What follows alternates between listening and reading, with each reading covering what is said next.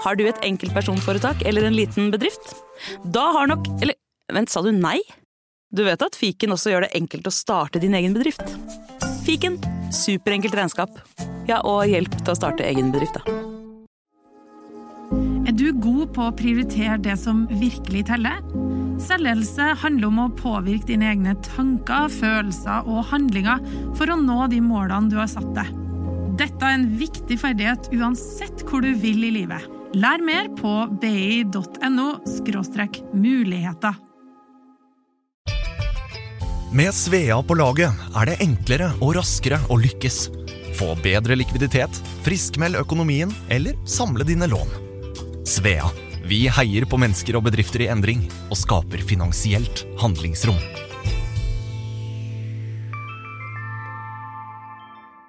Advarsel. I denne podkasten vil du høre historier basert på informasjon programlederne har funnet selv.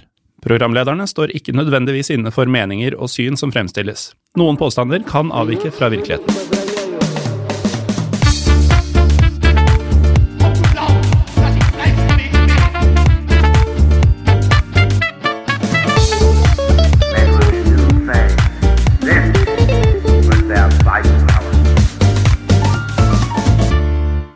Og velkommen til enda en kuriositet her i historiepodden andre verdenskrig. Jeg heter Morten Galaasen. Og jeg heter denne uken også Jim Fossheim. Og vi, som jeg har lagt eh, merke til nå i det siste, og jeg har nevnt det tidligere også, kuriositetene våre begynner å bli lengre og lengre.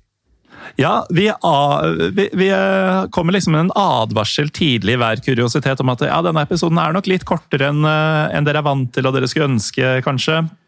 Men så er det ikke alltid det når vi først er ferdig. Så kanskje vi bare skal begynne å droppe å nevne at de er kortere? ja, for det, det, det, blir jo litt som gutten som ropte ulv etter hvert. Vi driver ja. og sier at å, nå kommer det en ordentlig kort episode, og så er den 40 minutter lang som, som alle de andre. Ja, det er helt riktig. Eh, hva har vi om i dag, eh, Morten?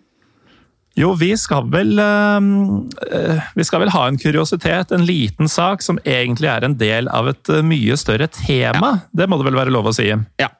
Eh, det er veldig riktig å si, og det, vi må holde tunga litt rett i munnen. for at kuriositeten i dag sammenfaller på noen områder med en serie som vi har, som heter Naziteknologi. Mm. Men dette her er et såpass omfattende tema, og det er såpass mye materie, så vi skal i dag gå innom det vi da refererer til som tyskernes atombombe. Yes. Og dette er jo ja? Og dette er jo et tema som på mange måter er veldig naturlig å snakke om i forbindelse med det atomkappløpet som faktisk da foregikk under krigen. Og folk mm glemmer det, og det er ikke sånn at det nevnes så mye i disse svart-hvitt nå eh, fargedokumentarene som ligger overalt. Ehm, men det er jo da også eh, slik at eh, amerikanerne de hadde jo sine prosjekter. Alle hadde prosjekter. Og amerikanernes prosjekt det ble kalt for Manhattan-prosjektet. Eh, og akkurat det temaet da er jo det jeg refererte til. Eh, det kommer vi til å ha i noen senere episoder av Historie på den andre verdenskrig. Ja, og det er nettopp derfor vi velger å avgrense akkurat dagens episode til å bare snakke om hva som skjedde med tyskernes atomprogram. Ja. For vi vet jo at tyskerne lå langt fremme teknologisk. Eh, det har vi jo, som du sier, en egen serie om her i Historie på den andre verdenskrig. Eh, når det kom til ulike våpen under krigen. Men det var jo da også Eller det var altså amerikanerne som klarte å lage atombomba først. Og i denne episoden så skal vi prøve å komme til bunns i hvorfor tyskerne aldri klarte denne teknologiske bragden. Ja, veldig godt oppsummert, egentlig. Eh, men skal vi gjøre dette, så må vi faktisk da starte historien på 1930-tallet. For dette tiåret klarte man nemlig for aller første gang og regne ut akkurat hvor mye energi som da kunne frigjøres hvis man spaltet et atom. Veldig viktig. Man klarte likevel da ikke å gjøre dette her i praksis, som man nå eh, vet, og visste da heller ikke om det i det hele tatt var mulig. Så man hadde jo da funnet noe informasjon, men man var helt, helt, helt i startgropen. Mm. Eh, det jeg nå sier, det endret seg likevel mot slutten av 30-tallet, nærmere bestemt 17. november 1938. For denne dagen prøvde nemlig den tyske forskeren Otto Hahn Otto Hahn prøvde å splitte eller spalte et atom. Otto Hahn prøvde på det, og Otto Hahn klarte det faktisk også. Da han eh, bombarderte en prøve fra grunnstoffet uran med nøytroner, så klarte han faktisk å da spalte eller ødelegge atomet. Og dette er jo veldig sånn eh, det er fysiske termer, dette her. Eh, man husker kanskje nøytroner og sånn fra, fra videregående skole og sånn. Men det fantes da det fantes ikke noe mikroskop på denne tiden som kunne fange opp dette. Men ved hjelp av diverse beregninger så kunne Otto Hahn fastslå at forsøket hadde vært vellykka. Og han, han, var selvsagt svært lykkelig, for dette var jo et enormt gjennombrudd i uh, fysikken. Og fortalte straks sin kollega Lise Meitner om oppdagelsen. Og Meitner uh, nølte deretter ikke med å publisere hans oppdagelser i et vitenskapelig tidsskrift, i tillegg til da også å kontakte den danske atomfysikeren Niels Bohr. Niels Bohr. Niels Bohr. Ja.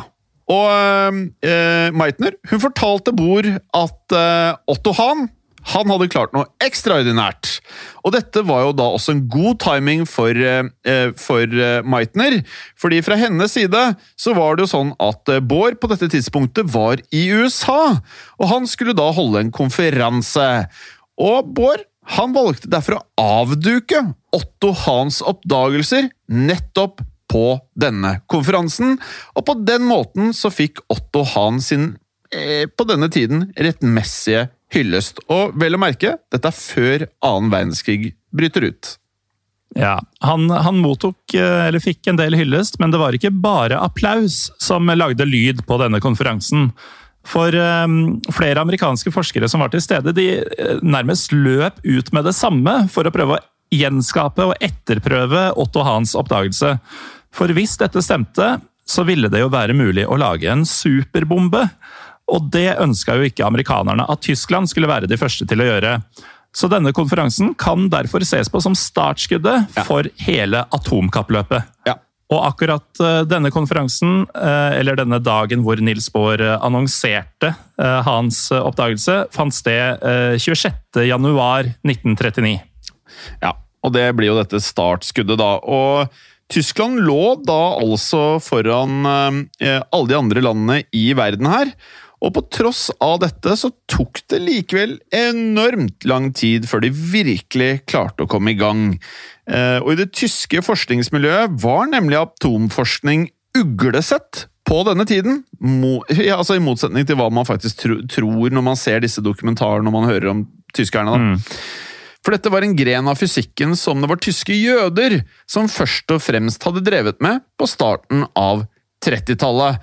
Men etter hvert som vi vet, så fikk jo ikke de lenger lov til å jobbe noe særlig grad. Og i hvert fall ikke ved de tyske universitetene, så de ble egentlig borte fra dette forskningsarbeidet.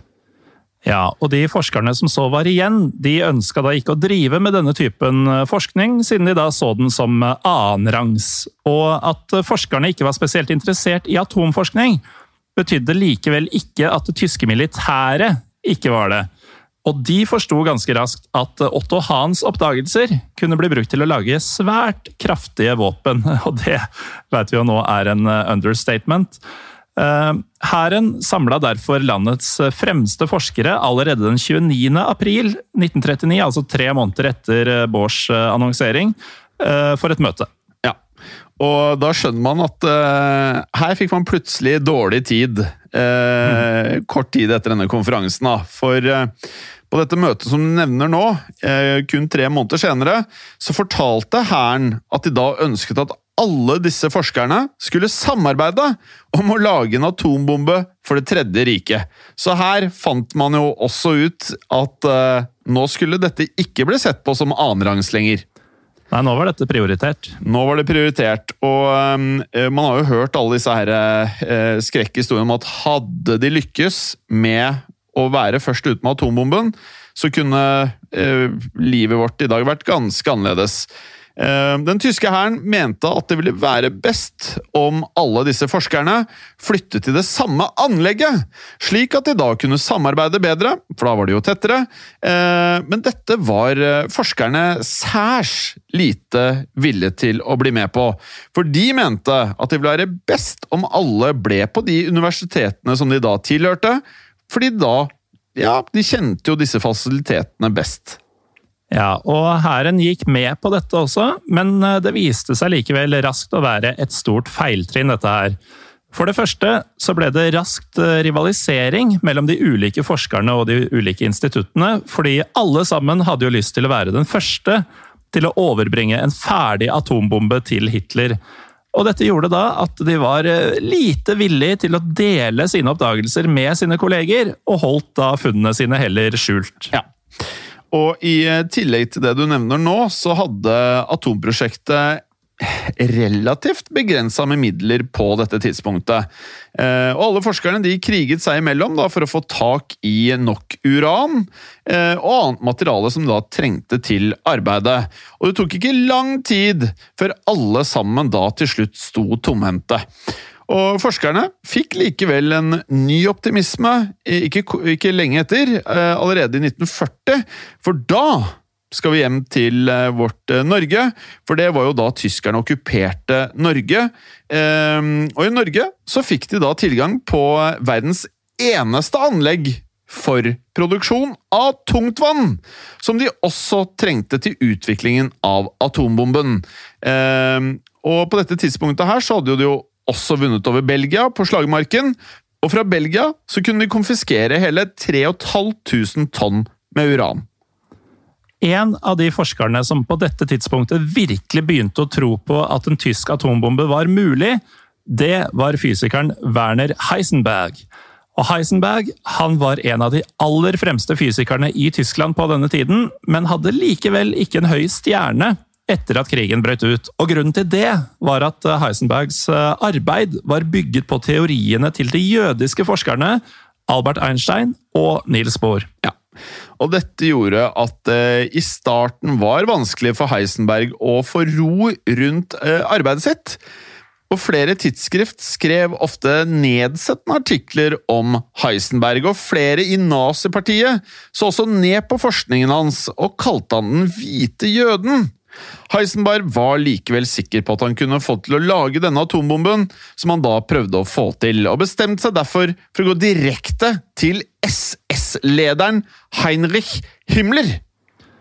Og Heisenberg han fortalte Himmler om sine planer, og klarte også å overbevise Himmler. Så Himmler gikk deretter ut offentlig og ga sin støtte til Heisenberg, og etter dette så roet kritikken seg kraftig. Og Det gjorde at Heisenberg endelig fikk arbeidsro til å begynne arbeidet med atombomba for Det tredje riket. Og mer om tyskernes atombombe det får dere etter en kort pause. Velkommen tilbake til historiepodden andre verdenskrig. Før pausen så snakka vi om at Heisenberg ønska å lage en atombombe, og at han omsider fikk arbeidsro etter at han hadde tatt kontakt med SS-lederen Heinrich Himmler og fått hans støtte. Vi snakka også om Jim, at de tyske forskerne generelt var dårlige til å samarbeide om denne bomba.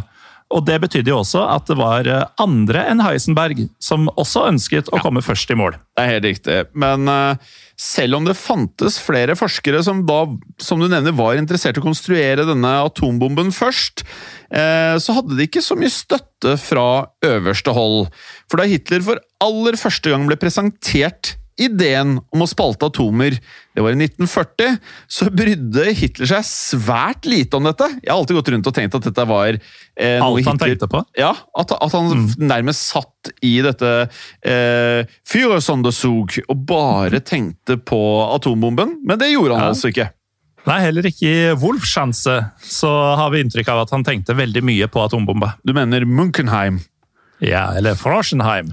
Ja, og Hitlers manglende interesse kan forklares. Og det kan forklares med at han allerede var opptatt, da selvfølgelig med å erobre da halve verden, eh, og rett og slett ikke hadde tid til det han mente var rene spekulasjoner, alt som angikk atombombeforskning å gjøre.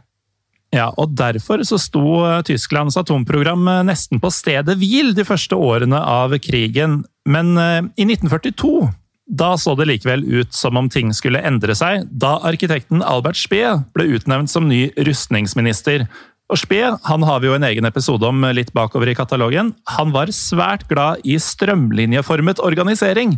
Og en av de første tingene han gjorde etter at han fikk jobben, var å kontakte landets ulike forskningsinstitusjoner for å få en oversikt over hva de drev med. Ja, og Man kan si mye om eh, Albert Speer, men eh, at han var eh, glad i at ting ble organisert mest mulig effektivt, det er vanskelig å ta fra han.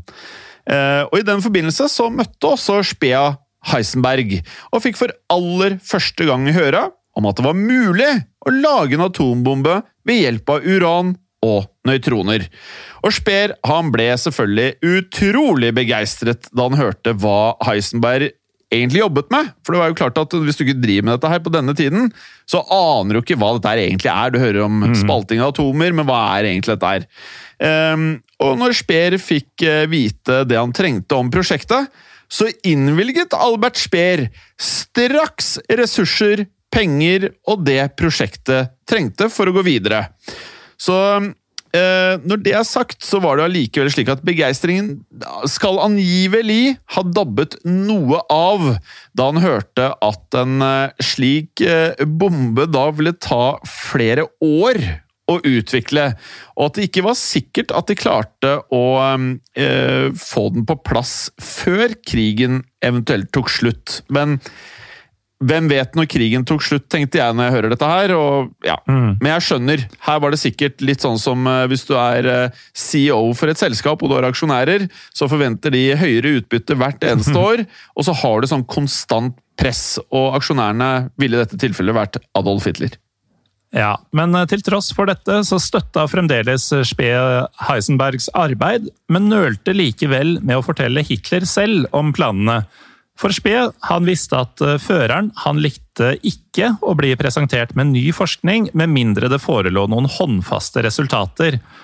Likevel så tok Spee mot til seg og presenterte atomprosjektet for Hitler i et møte kort tid etter at han hadde snakket med Heisenberg.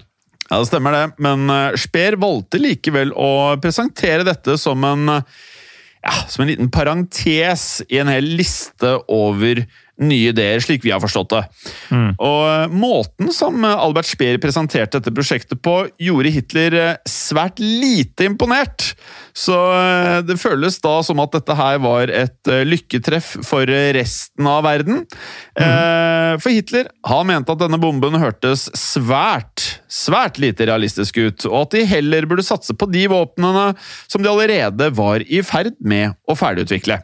Og mente også at de kunne rett og slett sette det litt til side, og så kunne vente med utviklingen av atombomben til etter de hadde vunnet krigen. Ja, og det at Hitler eh, var såpass lunken ovenfor denne ideen, det kan jo høres eh, merkelig ut, men det kan kanskje også forklares med dårlig kommunikasjon. For eh, Heisenberg selv mente at samarbeidet og kommunikasjonen mellom de tyske forskerne og den tyske staten var svært dårlig. Og Et godt eksempel på nettopp det, det var Hitlers idé om hvor sterk en atombombe faktisk kunne være. Ja, for da Hitler eh, skulle beskrive kraften i en eh, potensiell atombombe um, så Dette her er litt snålt, men i hvert fall. Eh, måten han valgte å legge det frem på, så var det slik. En atombombe som gikk av tre kilometer unna, hadde nok kraft til å kaste en mann av av sin hest! Ja, og det er jo for så vidt en kraftig bombe, det. Men det er vel ikke det, vel ikke det verste som skjer hvis du er tre kilometer unna en atombombe. altså, han glemte å fortelle at bare alt innenfor radiusen var bare borte og ubeboelig, mest sannsynlig. Så lenge man Ja, for resten av, av hans liv, i hvert fall. Mm -hmm. Og det er jo da ingen tvil om at eh, Hitler med det eh, delvis eh, følte at dette var et imponerende prosjekt, hvis det da faktisk ble en bombe av det. Men det er også tydelig at han virkelig ikke skjønte helt da hvor kraftig en sånn atombombe var. For det var jo alt annet enn bare en mann som falt av hesten som var poenget, hvis du klarte å, å, å være førstemann til å lage dette her, da. Og dette kan da også være grunnen til at han ikke var spesielt interessert i å vie tid eller ressurser fra Naziriket og inn i atomprogrammet. Men på tross av den lunkne responsen fra Hitler, så fortsatte Heisenberg og de andre forskerne å jobbe med atomprogrammet. Og I 1943 så hadde også Heisenberg kommet langt i arbeidet med å bygge en atomreaktor. Men han var på dette tidspunktet helt avhengig av store leveranser med tungtvann fra Norge for at reaktoren skulle fungere. Og som eh, mange kanskje likevel vet, så stoppet jo da leveransen av tungtvann fra Norge den 28. februar 1943, etter at ti norske helter, altså kommandosoldater, som da klarte å sprenge hele tungtvannsanlegget på Vemork ved Rjukan i Telemark i lufta. Og denne vanvittige operasjonen skal vi selvfølgelig lage episoder om, men vi har jo både historie på den og historie på den andre verdenskrig. Dette er så så åpenbar episode å lage, lage for vår del at vi, mm. vi, vi, har spart den hele veien. Men, men, eh, den kommer. Den kommer. Men uansett, faktum var da at Heisenberg etter dette ikke lenger fikk tilstrekkelig tungtvann til å fortsette med sine forsøk, og etter dette så stoppa derfor nok en gang atomprogrammet opp, og interessen for en atombombe ble også mindre. Denne interessen begynte likevel å nok en gang skyte fart helt mot slutten av krigen, da de fleste begynte å ane at Tyskland kom til å tape. Ja, og eh, I den anledning var det mange høytstående SS-offiserer som eh, kontaktet Albert Spier for å høre hvor langt de hadde kommet med atomprogrammet. Og Speer, som da var fullstendig klar over at dette programmet så ut, altså Det var jo på stedet hvil, nærmest, på dette tidspunktet her. Han ønsket rett og slett ikke å kommentere noe som helst rundt atomprogrammet, og prøvde så godt han kunne å unngå alle dialoger rundt dette her. Eh, men det var likevel én mann som ennå ikke hadde gitt opp håpet. Ja, og det var jo selvsagt Werner Heisenberg. Da Berlin ble bomba i 1945, så rømte Heisenberg fra byen og tok med seg alt han hadde av utstyr knytta til atomforskninga. Og han dro da, sammen med et knippe andre forskere, til en fjellhule rett ved den tyske byen Heigerloch. Og inni denne fjellhula klarte de på nytt å konstruere en atomreaktor, og de hadde også akkurat nok uran og tungtvann til å gjøre ett siste forsøk på å skape en kjedereaksjon. Altså, dette må være Dette er nazistisk. Dette er nazistisk. Altså, altså en fjellhule fant de. Ja, altså, du tar med og, og laga atombomber. altså, du tar med deg all forskning inn i en atomhule når du egentlig er beseiret. For å rett og slett bare ha Det, det høres ut som et TV-spill. Det gjør det. Altså, Du sitter og venter på den ene tingen Alle angriper deg fra alle kanter, men du venter på den ene bomben som skal være fulladet til at du kan vinne spillet. på en måte. Uansett, så I begynnelsen så virket det som at dette siste forsøket skulle lykkes, og det er det sykeste av alt. Ja, ja. I denne hulen så trodde de at alt skulle funke! Men etter hvert så stoppet prosessene eh, inni reaktoren opp. Eh, og Heisenberg og de andre forskerne hadde med seg, måtte derfor innse at eh, kampen omsider var over en gang for alle, i hvert fall fra nazistenes side eh, i denne omgang. Eh, for de hadde nemlig ikke mer, på tross av all uranet fra Belgia, så hadde de ikke nok uran eller tungtvann til å forsøke enda en gang. Eh, og det skal vi være ganske glad for. For uh, her, her, føles det som de var nære. Uh, men dette ble altså da slutten på den drømmen, eller løsningen om å vinne krigen på, på tampen av 45, eh, det var det nærmeste tyskerne kom. Ja, og da nærmer vi oss også slutten på denne kuriositeten om det man må kunne si var eh, et mislykka forsøk fra tyskernes side på å konstruere en atombombe. Det er en historie om en rekke dårlige valg og ikke minst mye dårlig kommunikasjon som førte atomprogrammet deres fullstendig i stampe, egentlig. og de kom liksom aldri i mål med det. Men eh, tyskernes atomprogram var likevel grunnen til at amerikanerne hadde det så travelt med å utvikle sin egen atombombe i det som eh, vi nevnte innledningsvis har blitt kjent som The Manhattan Project. Ja. For selv om eh, nazistenes atomprogram aldri ble noen stor suksess, eller det, altså, det materialiserte seg aldri en bombe, i hvert fall, så var det bare tyskerne selv som visste akkurat det. De andre landene var jo ikke klar over det, selvfølgelig. Vi i dag er klar over det. De allierte på denne tiden trodde hele veien eh, i løpet av krigen at tyskerne var i ferd med å ferdigstille en atombombe. Og tenk deg den følelsen, altså hvor, eh, hvor, hvor hastverk du faktisk får med å erobre eh, Nazi-Tyskland. Eh, og det var da igjen grunnen til at amerikanerne selv satset såpass stort på et slik våpen. Og etter hva man forstår, så sitter man jo egentlig litt med følelsen av at amerikanerne tok det mer seriøst enn hva tyskerne eh, gjorde. Men det skal vi gå mye mer i detalj i, og også hvordan en atombombe fungerer i en kommende episode, for dette er rett og slett en kuriositet om, om eh, tyskernes atomprogram. da. Og som vi også nå vet, så klarte jo da omsider eh, amerikanerne å bygge en atombombe. Det vet vi, og som du sier, Jim, det skal vi snakke mye om i fremtidige episoder av Historiepodden. Men nå er vi ved veis ende i akkurat eh, denne historien som skulle handle om eh, Tysklands eh, jakt på en atombombe under krigen. Og med det så er det vel egentlig bare å minne lytterne Jim, om at vi har en annen historiepod også, som bare heter Historiepodden. Kommer ut hver tirsdag. Og vi har jo en rekke plasser på sosiale medier hvor man kan få kontakt med oss. Ja. Eh, Vi har Instagram, vi har Facebook-side. Der heter vi det samme, Historiepodden Norge. Og så har vi en Facebook-gruppe, som ikke er det samme som en side. Og I denne gruppen så kan du dele alt av eh, linker til historiske filmer, dokumentarer, bøker, det du måtte ønske. Du kan eh, dele tips til kommende episoder. Alt som har med historie å gjøre, del det der. Bli medlem du også. Vi er nå snart 3200 medlemmer. Vi trenger flere, for vi skal opp på 10 000. Eh, og vi skal gjerne opp på 300 ratinger på Historie på den andre verdenskrig på Apple sin podkastplattform. Så gå inn der, er du snill, og rate oss med stjerner. Og Morten, dette her har skjedd. Og det kan skje igjen. Ha det bra. Ha det. I produksjonen av Historiepodden så ønsker vi å takke Håkon Bråten for lyd og musikk. Takk til Felix Hernes for produksjon. Takk til Ellen Froktenestad for tekst og manus. Og takk til deg, Morten Galesen, for programlederrolle. Og takk til deg, Jim Fosheim, for programlederrolle. Moderne media. Velkommen til Kjemperådet! Vi har fått inn et kjempenytt problem fra en mor. Jeg leser. Hei, jeg har en datter på 11 år som vurderer å slutte med orientering. Hun elsker jo å løpe, men finner aldri veien.